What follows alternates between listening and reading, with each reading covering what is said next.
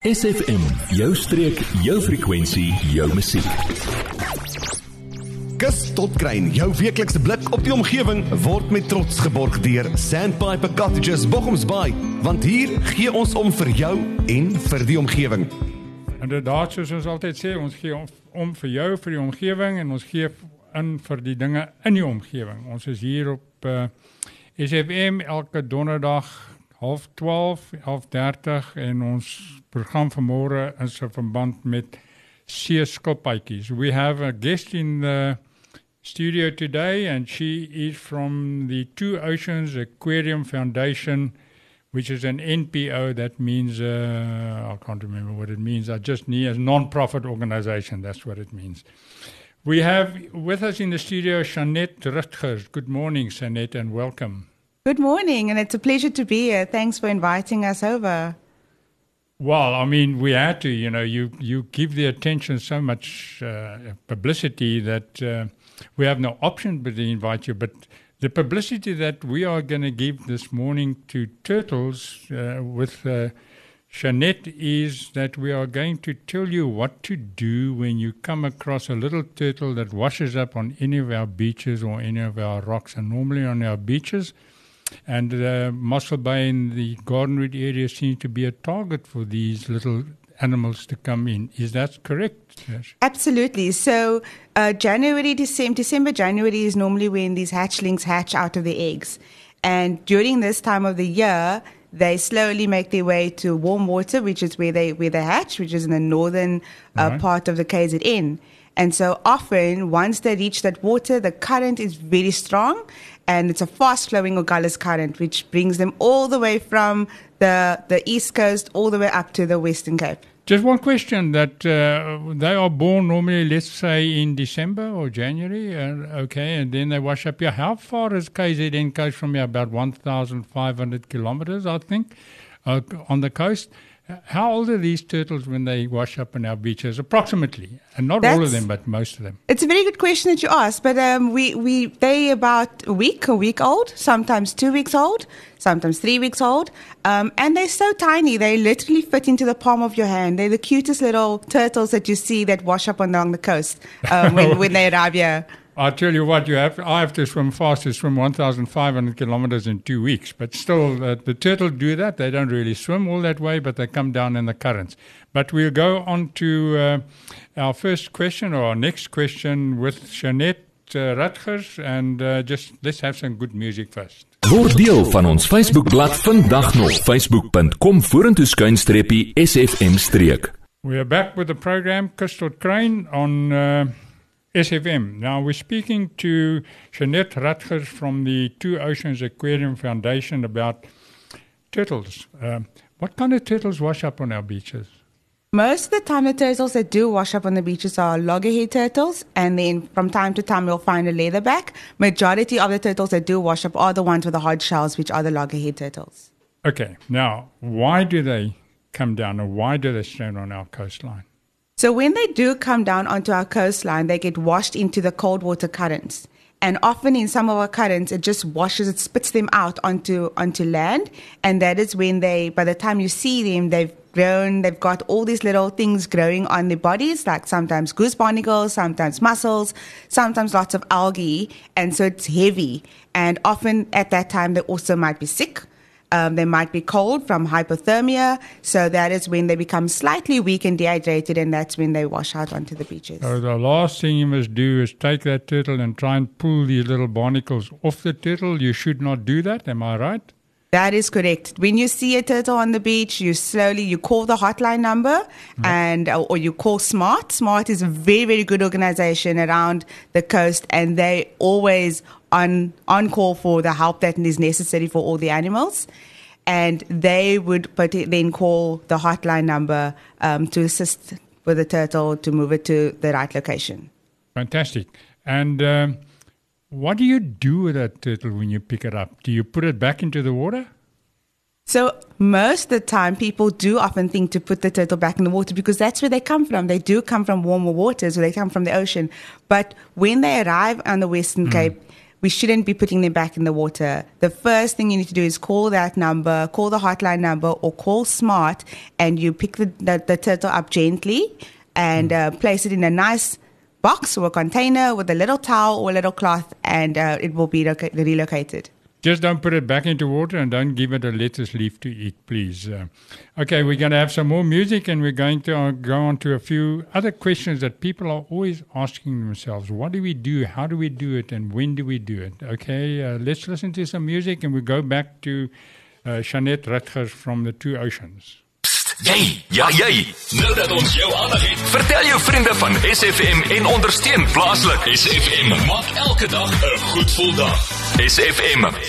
Right, Jeanette, we're back with Jeanette Rutgers and uh, from Two Oceans, and we are speaking about these little turtles that wash up in our beaches. The, the critical thing is do not put them back into the water. Do not try and be a savior that way because the only thing that you're going to do by putting them back is by killing them, and you don't want to do that. You want to save them. Jeanette, what does the Turtle Conservation Center do to help once, let's say, people have picked up the turtle, they've smoked, phoned Smart or the Turtle Hotline, which the number we'll give at the end of the program, and uh, what happens to that turtle then? So that's a very good question to ask. What happens to the turtles once the turtle arrives at the center? Uh, we've got a group, a vet, a vet team, and they they monitor the turtle. Mm. We then look at what is we we then give the turtle a bath because it's got all these little insects or all these little parasites growing on them, and it's taken off by professional people. And then the turtle gets X-rayed. So it's very important for us to do a lot of research on what's also happening on the inside of the turtle. So the turtle gets x-rayed. It then has its own little cubicle. It has a medical card. Mm.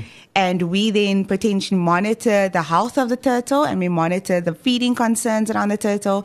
And we grow the turtle to a very, very good size. And once it's strong and healthy, it then gets released back into the wild.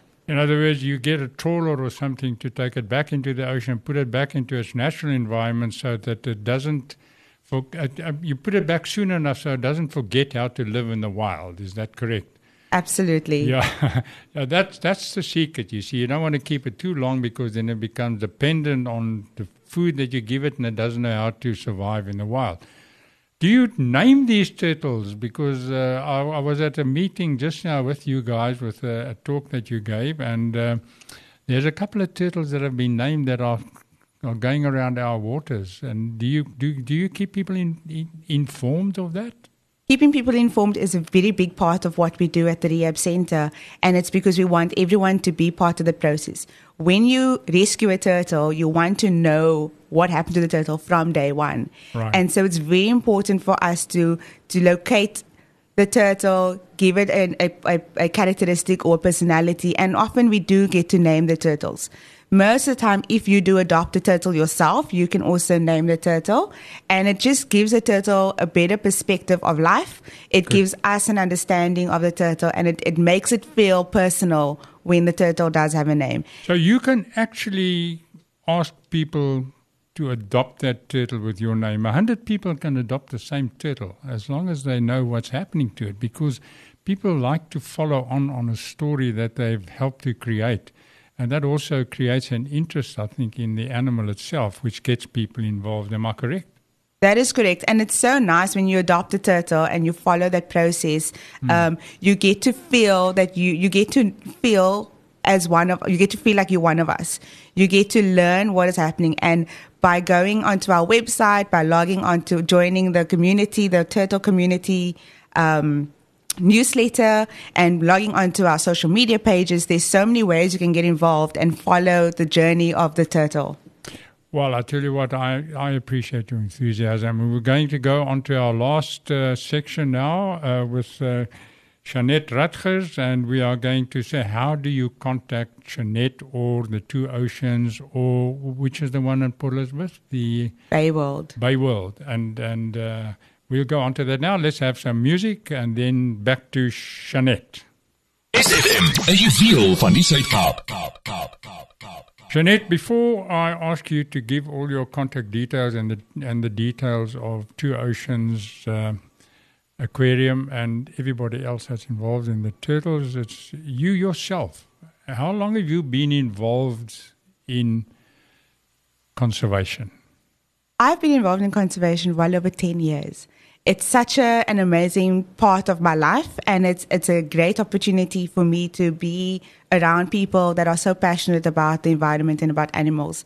And when, you be, when you're a part of that community, um, it doesn't just make you a better person, but it helps you give some definition to the next person. Uh, Well, you know, I'm going to date you now, but uh, you've been busy 10 years. How old were you when you started? I started when I was 14. 14 years old in Cape Town. Yes. That's wonderful to hear. And, and what's so pleasing, as I say this every now and again when I speak to young people like Jeanette, is that uh, the youth is starting to get involved. Now, tell me, these turtles go to Two Oceans and to Port Elizabeth uh, there, and then they get uh, released in, into the wild, let's put it that way. Now, how can people get involved by following what you are doing uh, through the social media and also uh, who can they contact? Have you got a website? Can you give us all that information as well as the Turtle Hotline? Please, people, get your pens and your and your pieces of paper together. Kry julle gerlif- uh, griffels en julle leie en kry dit saam laat ons nou kan skryf. Right, Jeanette, tell us, how do you get hold of us or, or of Two Oceans on So on uh, with the Two Oceans Aquarium Foundation has a social media platform where we work on Instagram and Facebook, and you can uh, just type in Two Oceans Aquarium Foundation. It comes up. It's a popular uh, thing that everyone's been googling now. Uh, So click on the like button, and you'll automatically be followed on social media on on the Facebook page and as well as the Instagram page. We also have a website www.twooceansaquariumfoundation.co.za Just repeat that. www.twooceansaquariumfoundation.co at.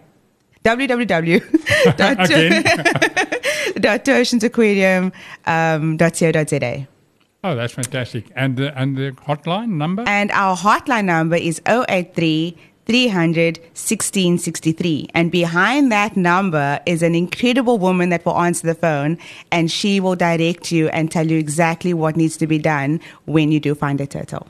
Well, being at that meeting this morning and talking about Incredible Woman, it seems to be like Incredible Women are all involved in the rescuing of turtles. And we are the men. Come on, guys, you must get on board as well. And the youth also. Most of the girls that joined lately seem to be, uh, uh, most of the people that joined, the youth that joined, seems to be turtles. Jeanette, thank you very much. And thank you too for Two Oceans. And for Smart, you know, if you can get hold of nobody else and you can't get hold of the hotline number, you can get hold of Smart and they will point you in the right direction. Baie dankie vir vanoggend and uh, thank you very much and good luck on your mission to save more turtles. Thank you. Hierdie program was vir jou gebring deur Sandpiper Cottages in Bochumsbaai, weggesteek in 'n ongerepte baai en Bavaria, off the beaten track, slegs 30 km vanaf Mosselbaai. Kontak Sandpiper Cottages via hulle webwerf sandpiper.co.za of per WhatsApp 081 071 6735. Adverteer jou besigheid vandag nog op SFM. Vir meer inligting skakel SFM gerus by 044 801 7811.